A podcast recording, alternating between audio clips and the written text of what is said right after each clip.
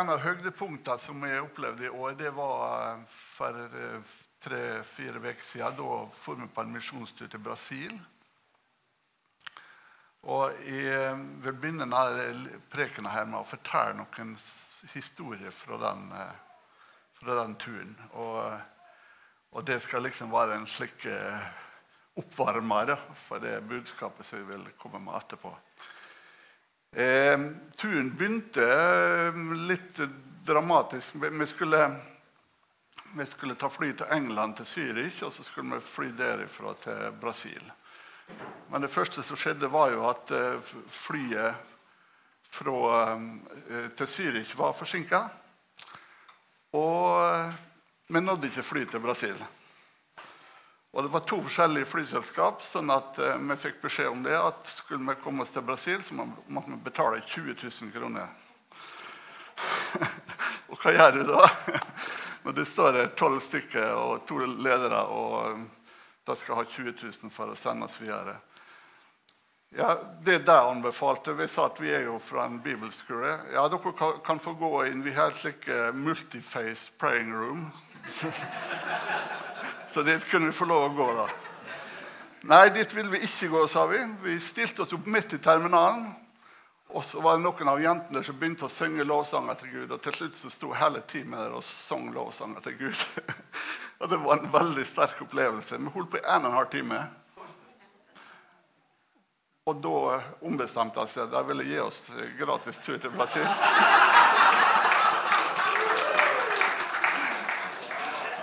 Pluss at vi fikk et førsteklasses hotell til å overnatte til neste dag. Og det som skjedde med teamet, Vi ble så sammensveisa der vi sto og sang lovsanger til Gud midt i Zürich på airporten der, at eh, jeg tror det, der ble grunnlaget lagt for alt det vi opplevde senere på turen. Og det var en fantastisk tur. Vi skal fortelle tre historier fra Brasil. Eh, det er, det er, en sånn Andrew Womack Ministry i, i, Brasil. Det er et ektepar som driver det. Det heter Marcelo og Sandra Duarte.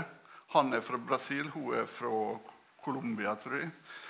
De har gitt livet sitt til Brasil og bor der i Rio de Janeiro. Og, og arbeidet de driver, er på noe som de kaller for rehabsenter. For Brasil er jo en kjempestor by. Det er masse sosiale problemer der. Masse prostitusjon, masse uh, rusmisbruk, masse drap og mye elendighet. Men så har rehabsentra plukka opp folk fra gata. Og uh, den brasilianske staten forstår jeg, den gjør ingenting, for de har ikke penger til å ta seg av folka her. Men kirka gjør noe kirka i Rio de Janeiro der starta sånn rehabiliteringssenter. Og terapien, vet du hva det er? Det er hardt arbeid, eh, praktisk arbeid. Og så er det Guds ord tre ganger for dag. Frokost, middag og kveld. Og det er fantastiske resultat. Det var så kjekt å besøke rehabiliteringssentrene. Vi fikk øve oss på å å eh, dele vitnesbyrdet vårt. Vi fikk eh, øve oss på å holde undervisning av forskjellige slag. Vi fikk be for syke, og vi så store ting skje der. Og eh, ville, Det som kanskje gjorde mest inntrykk på meg, det var det rehabiliteringssenteret for damer. Vi, vi var for, på ett senter for kvinner, og så var vi på fire-fem for menn. Eh, og Da kan du vise det første bildet der. Vi skulle hatt bilde til alle sammen, men, men de to damene der hun, eh, hun, til venstre hun heter Sandra, hun er den som er en av lederne i Brasil. Men hun til høyre hun kommer nokså direkte fra gata i Brasil som prostituert. Og eh, Hun smiler og ser veldig glad ut på å ta bilde der, men, men jeg skal fortelle historien. Vi kom til ta senteret der. Eh, og der satt det sju kvinner, og ei av dem var hun der. Og i, det beste beskrivelsen jeg kan gi deg, at det så ut som noen fugler i bur. Det, det satt liksom det her. Og, det, det så så eh, underkua ut. Så jeg sa til, til gruppelederne at jeg føler virkelig at her, vi må kunne gi noe mer til disse damene. her. Så vi bestemte oss for at vi skulle besøke dem en gang til. Og da var det ei av eh, studentene som hadde forberedt en undervisning om Den hellige ånd. Og hvordan den skulle bli døpt i Den hellige ånd. Og, og vi ba for seg der. Og, og, fire av sju ble da fylt med Den hellige ånd og begynte å, å tale i tungene. Og det skifta stemninga totalt i det rommet der. Og du kan se på henne der. Hun var den yngste. Hun var den som kom direkte fra gata. Se på det ansiktet der. Hun kommer fra prostitusjon. Hun har møtt Jesus og ble døpt i Den hellige ånd der når teamet vårt var på besøk. Og eh, nå, eh, Etter vi kom tilbake til Norge, så fikk vi eh, melding fra senteret at nå skulle fire av oss døpes. Blant annet hun der. da. Så det skjer akkurat det som skjedde i Kornelius' hus. At det ble fylt med Den hellige ånd først. Faktisk før de hadde tatt ordentlig imot Jesus. Og så blir de velger å døpe seg etterpå. Det var en fantastisk historie å se disse sju kvinnene på senteret der bli så snudd opp ned livet der. Det var helt annerledes når vi reiste, enn når vi kom dit første gangen. Så eh, bare det glødde oss jo opp, så vi ble jo så begeistra. Så var vi òg på et eh, rehabiliteringssenter for menn. Og jeg har en fem sekunders filmsnutt fra ett av dem. Kan du vise den nå?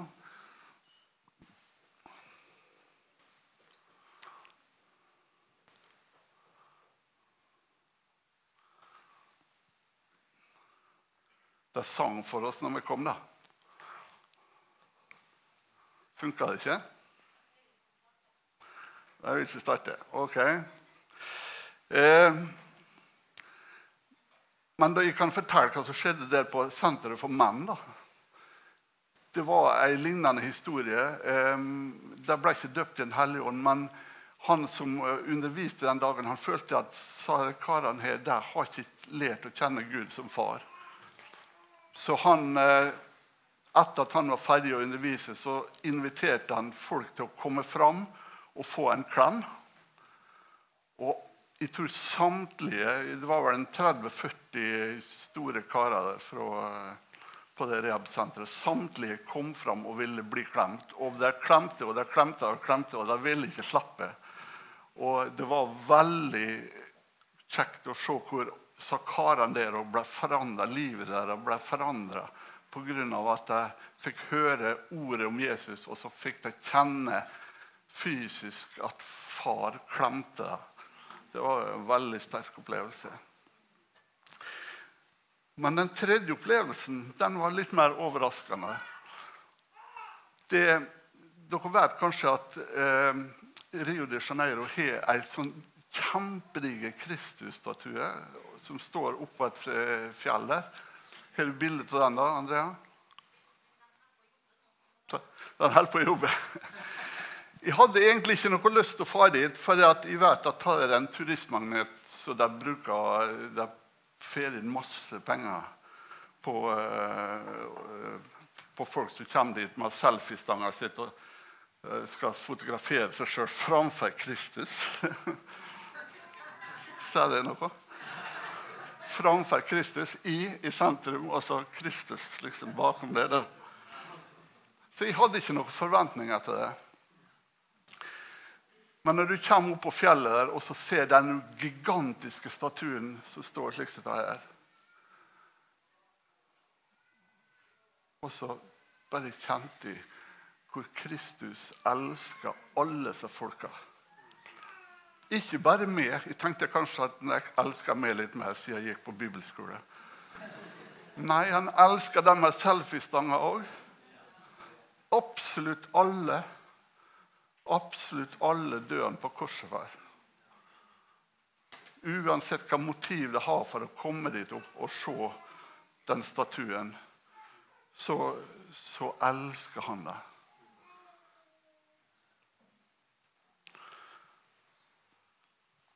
Det er Sånn har han alltid vært. Og sånn vil han alltid bli. helt til han kommer igjen. Og i dag er det palmesøndag. Og vi kjenner jo historien fra Matteus 21 om når Jesus rir inn i Jerusalem. Og jeg syns vi skal kanskje ta oss tid til å lese den historien. Vi må ha en liten glasskvett.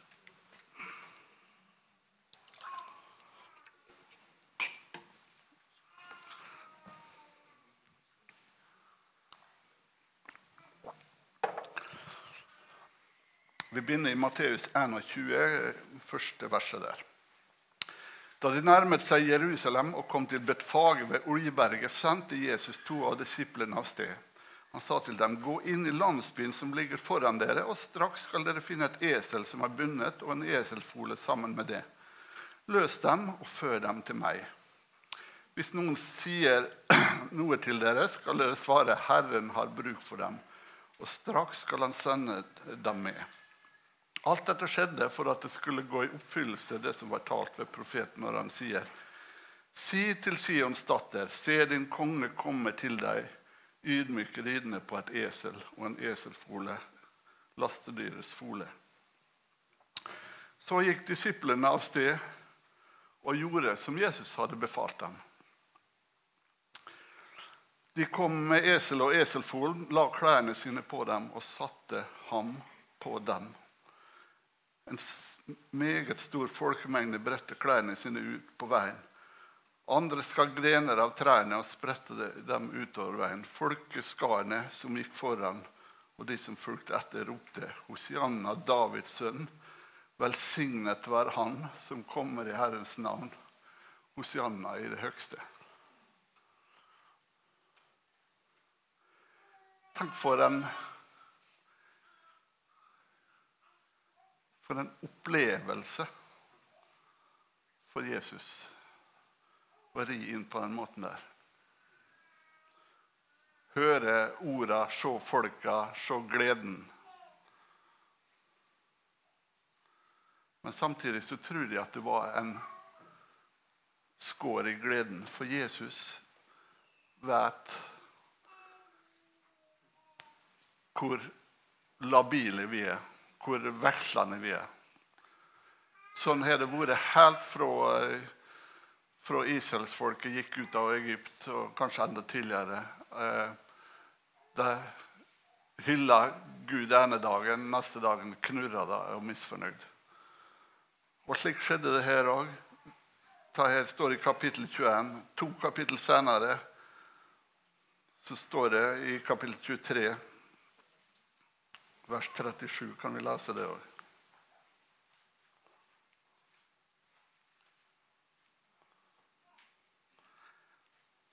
Jesus klager over Jerusalem med overskriften. Jerusalem, Jerusalem, hun som dreper profeten og steiner den som er sendt til henne. Hvor ofte vil jeg ikke samle sammen dine barn som en høne samler kyllingene sine under vingene? Men dere ville ikke.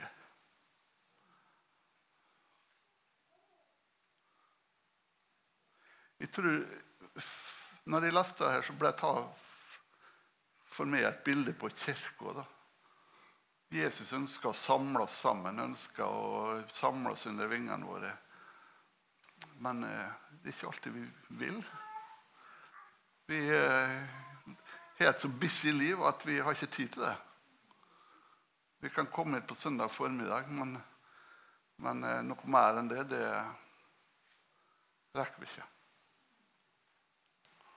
Er det noen som kjenner seg igjen? Jeg skal bruke den eh, undervisninga som vi skal ha nå, til å snakke litt om Kirka.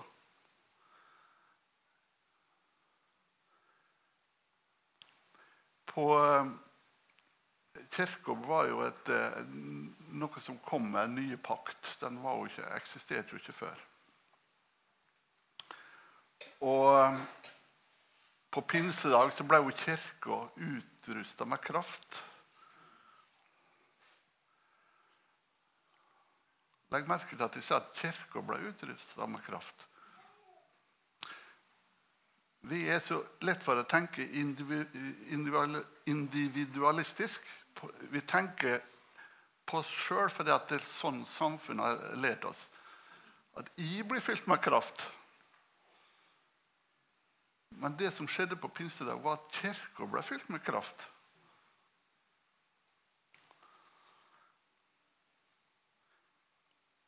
Og Hvis vi slår opp på apostelgjerningene, kapittel 2 vers 46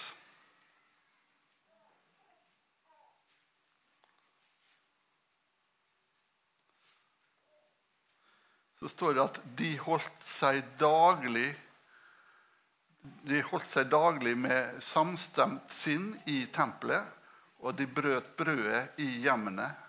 De spiste sin mat med glede og hjertets oppriktighet. Hele tiden lovet de Gud og hadde velvilje hos hele folket. Daglig la Herren eh, dem som ble frelst, til menigheten, eller til kir kirka. I, I, England nå, så der er det ikke noe som heter menighet, det er church. Det gjør ting litt lettere. Men eh, den norske bibelen skriver av og til kirke, av og til menighet. Ok. Men det vi ser, at menigheter møttes daglig Det er på en måte motsatt av det som vi gjør nå. Vi møtes på søndag, og, men ikke ellers i veka. For der så var det nesten motsatt. at De møttes daglig, men på sabbaten så, eller på på sabbaten så hvilte iallfall de som holdt seg til den sabbattradisjonen. Vi skal ikke ta opp det som noe tema. Men, men de hadde seks dager sammen og én dag fri, mens vi er én dag sammen og seks dager fri. da, for å si det Og det gjør meg litt eh, tankefull, for at eh, når, når eh, når Ånden ble utgitt på pinsedag, så ble den utgitt til kirka, til menigheten. Og hvis menigheten har én dag sammen og seks dager fri, hvordan kan, vi jobbe effektivt da? Er dere med meg? Kirka har fått et oppdrag, kirka har fått en kraft til å utføre det oppdraget. Og så har vi bare én dag i veka til å gjøre det på. Og den dagen så, så er vi bare samla for oss sjøl. Og det er kanskje ingen eh, som ikke har hørt evangeliet i oss. For meg så blir det litt alvorlig. Oppdraget er jo veldig klart hvis vi leser i Markusevangeliet. Det står jo i Matteus òg, men jeg velger å lese den Markus-versjonen i dag. Markus 16.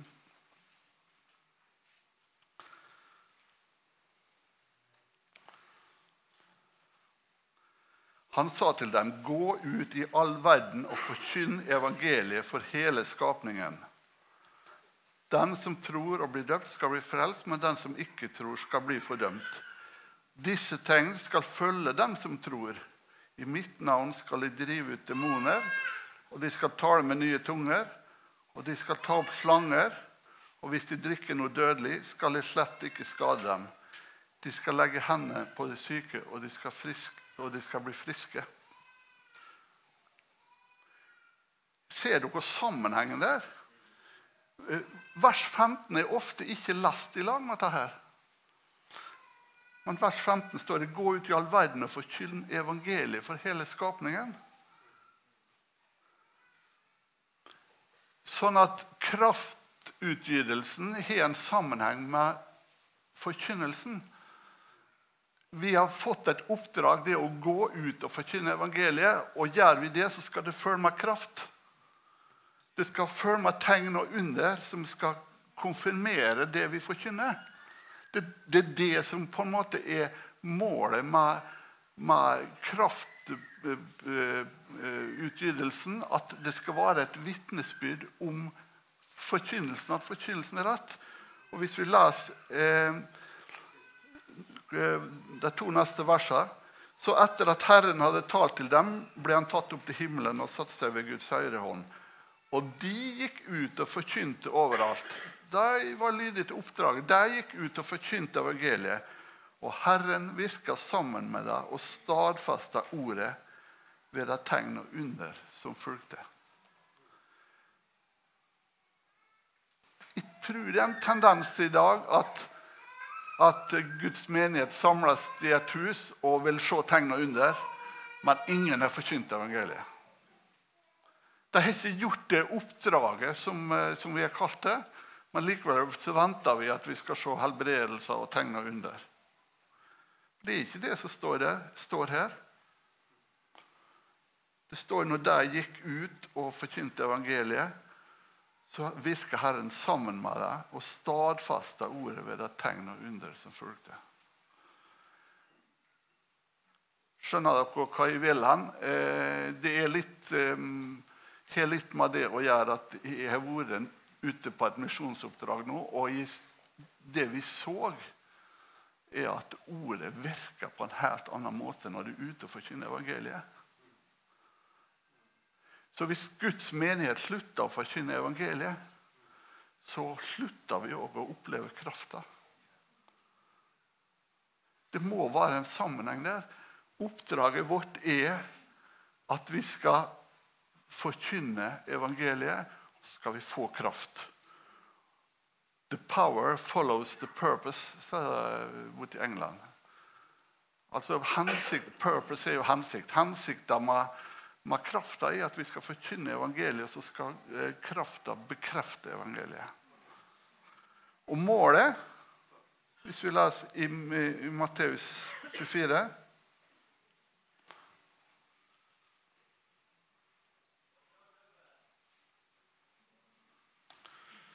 Matteus 24, vers 14. Og dette evangeliet om riket skal bli forkynt i hele verden som et vitnesbyrd for alle folkeslag. Og så skal enden komme. Målet er at evangeliet skal komme ut i hele verden og bli forkynt for alle folkeslag. Og så har vi ikke mer her å gjøre. Da skal enden komme. Da skal Jesus komme tilbake. Men i den perioden der til vi har fått forkynt evangeliet til alle folkeslag, så må vi ut og forkynne, og så vil Guds kraft være med oss. Det er blitt veldig klart for meg. Og krafta det er noe som er gitt til kirka. Det er ikke gitt Som individualister så tenker jeg at de, den tar altså fått kraft. Og sånn Jan Tore, og så er den borti der, den borti der. Nei, se hva som står i Efeserbrevet om det.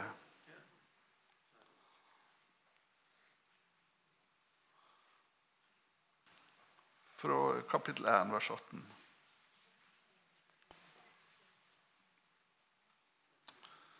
Eller fra vers 17, kanskje. Jeg ber om at vår Herre Jesu Kristi Gud, Herlighetens Far, må gi dere visdom og åpenbaringsånd, så dere kan lære ham å kjenne og at deres forstands øyne blir opplyst, så dere kan forstå hvilket håp dere fikk ved hans kall, og hvor rik på herlighet hans arv er blant dere. Og forstå hvor overveldende stor hans kraft er for oss som tror, etter virkningen av hans mektige kraft. Det var den han lot virke i Kristus da han reiste ham opp fra de døde og satte ham ved sin høyre hånd i den himmelske verden høyt over all myndighet og makt, kraft og herredømme, og over hvert navn som nevnes ikke bare i denne tidsalder, men også i en kommende. Altså masse kraft her. Han la alle ting under hans føtter og ga ham til menigheten som hode over alle ting. Menigheten som er hans kropp, fylt av ham som fyller alt i alle. Den krafta som det står om der, vi snakker ofte som om at hver enkelt har den krafta i seg. Og det, det, er ikke feil å si det, men den er først og fremst til hans kropp. Når hans kropp går ut og forkynner evangeliet til alle folkeslag.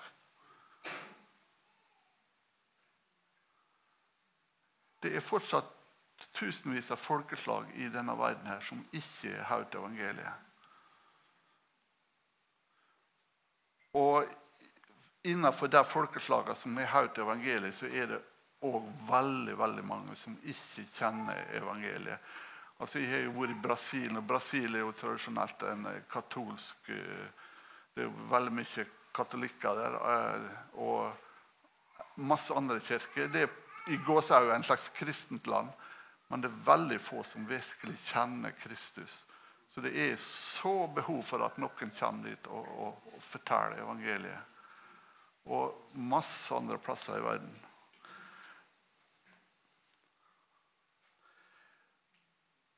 Men det som er så flott, er at vi har fått kraft. Og hvis vi bare skjønner det, når, når, vi som menighet går ut, hvis vi reiser gruppe, enten det er til Brasil, eller vi reiser sammen med Daniel til Etiopia, eller vi reiser til India, eller vi Blitz Thailand til så, så er han med oss, og så ser vi at, at krafta overbeviser folk. For det, er jo det som er så, så fantastisk. Ser folk et under så blir jeg overbevist med en gang. Men du kan diskutere teologi med deg i årevis, og det skjer ingenting. Så krafta er liksom nødvendig for at vi skal for, at, for å konfirmere evangeliet. Det er det som er vitsen med krafta. Og når det har vært 14 dager i Brasil, så plutselig så begynner en å skjønne dette her. I, høres ut som jeg har skjønt alt. Og det har jeg sikkert. Men, men jeg, jeg, skal fortelle dere en ting som begeistrer meg. At bare på flyet hjem så, så jeg tre helbredelser. Og hvem var det? Jo, jeg sjøl ble helbreda på flyet. Pluss hun som satt på venstresida mi, og hun som satt på høyresida mi. Og jeg skal fortelle deg tre historier. Det var ganske fantastisk. Hun, eh, hun, som satt på venstresida mi, det var ei fra teamet. Og hun, eh, hun sa oh, jeg har så ilt i, i nakken. Kan ikke du be for meg? Tar, altså. Så jeg la handa på nakken hennes. Og det tok ikke mer enn to sekunder, så var hun helt smertefri. Og Hun ble nesten forundra. Nei, nå er det ikke noe mer. Fantastisk. Nesten alle har opplevd sånn sjøl. Jeg bedt for folk, og så blir jeg litt bedre. så, ja, kanskje litt bedre nå. Men det skjedde som et sånn to sekunder. Og så um, Det var jo om natta. her, Så våkna jeg midt på natt og kjente at jeg hadde så vondt i leggen min. Og tar er en flytur som tar tolv timer. ikke sant? Og dere fleste av dere vet sikkert at uh, får du vondt i leggen på en flytur, da må du begynne å tenke at her er det kanskje blodpropp på gang. Men Ian, en av de andre på teamet vi bestemte oss for at her skal vi be vekk. Og vi ba sammen, og det ble borte. Men den tredje er kanskje mest spesiell. Og Det var ei dame som satt på høyresida mi. Hun, hun eh, var antageligvis um, Hun var asiat. Uh, kanskje fra Kina, kanskje fra Tibet. jeg vet ikke. Hun snakka iallfall ikke engelsk. Hun var eh, ikke helt frisk, det var helt tydelig. Hun eh, var ganske overvektig. Og antageligvis hadde hun et lungeproblem, for at hun fikk problemer med pusten etter hvert. Og til, så begynte hun å svette i panna. Og, og så begynte hun å spytte oppi kaffekoppen sin. Store, grønne klysser. Og da hørte jeg, jeg, er såpass frimodig at jeg sa at jeg hørte Gud sa til meg du skal be for å ta det. Nei, det tør jeg nå ikke. Hun kan ikke engelsk. Nei, det er ikke klart. Men så kom stemma igjen. Be for henne. Og så kom det for tredje gang. Be for henne. Og så OK, da. Det skal jeg gjøre. Og så gjorde jeg slik som jeg la handa på skuldra hennes. Og så åpna hun og lurte på hva jeg ville. Og så liksom bare pekte på brystet sa, for å signalisere at du skjønner at du er vondt for å puste. Og så gjorde jeg slik, da. For å signalisere at jeg kan be for det. Og så, og så ba jeg for det. Og jeg forholdsvis kort bønn. Og det som skjer er at Plutselig så setter hun seg opp, og så begynner hun å se, se på bildet på telefonen sin. Hun kunne ikke gi noe vitnesbyrd, for at hun snakka ikke et språk som var felles med verken norsk eller engelsk. Men det var helt åpenbart at det skjedde noe med henne. Og jeg syns det var en så sterk opplevelse og en, en konfirmasjon av, av, det vi hadde opplevd på hele Brasil-turen. Om at når vi går ut og forkynner evangeliet, så er han med oss med sine kraftmanifestasjoner. Så det ble veldig sterkt for meg. Eh, og når vi skal prøve å runde av dette her nå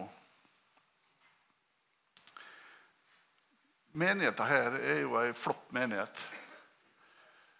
Men eh, vi det, vi står framfor det, det, er noe framfor oss nå som vi ikke har sett inn i helt.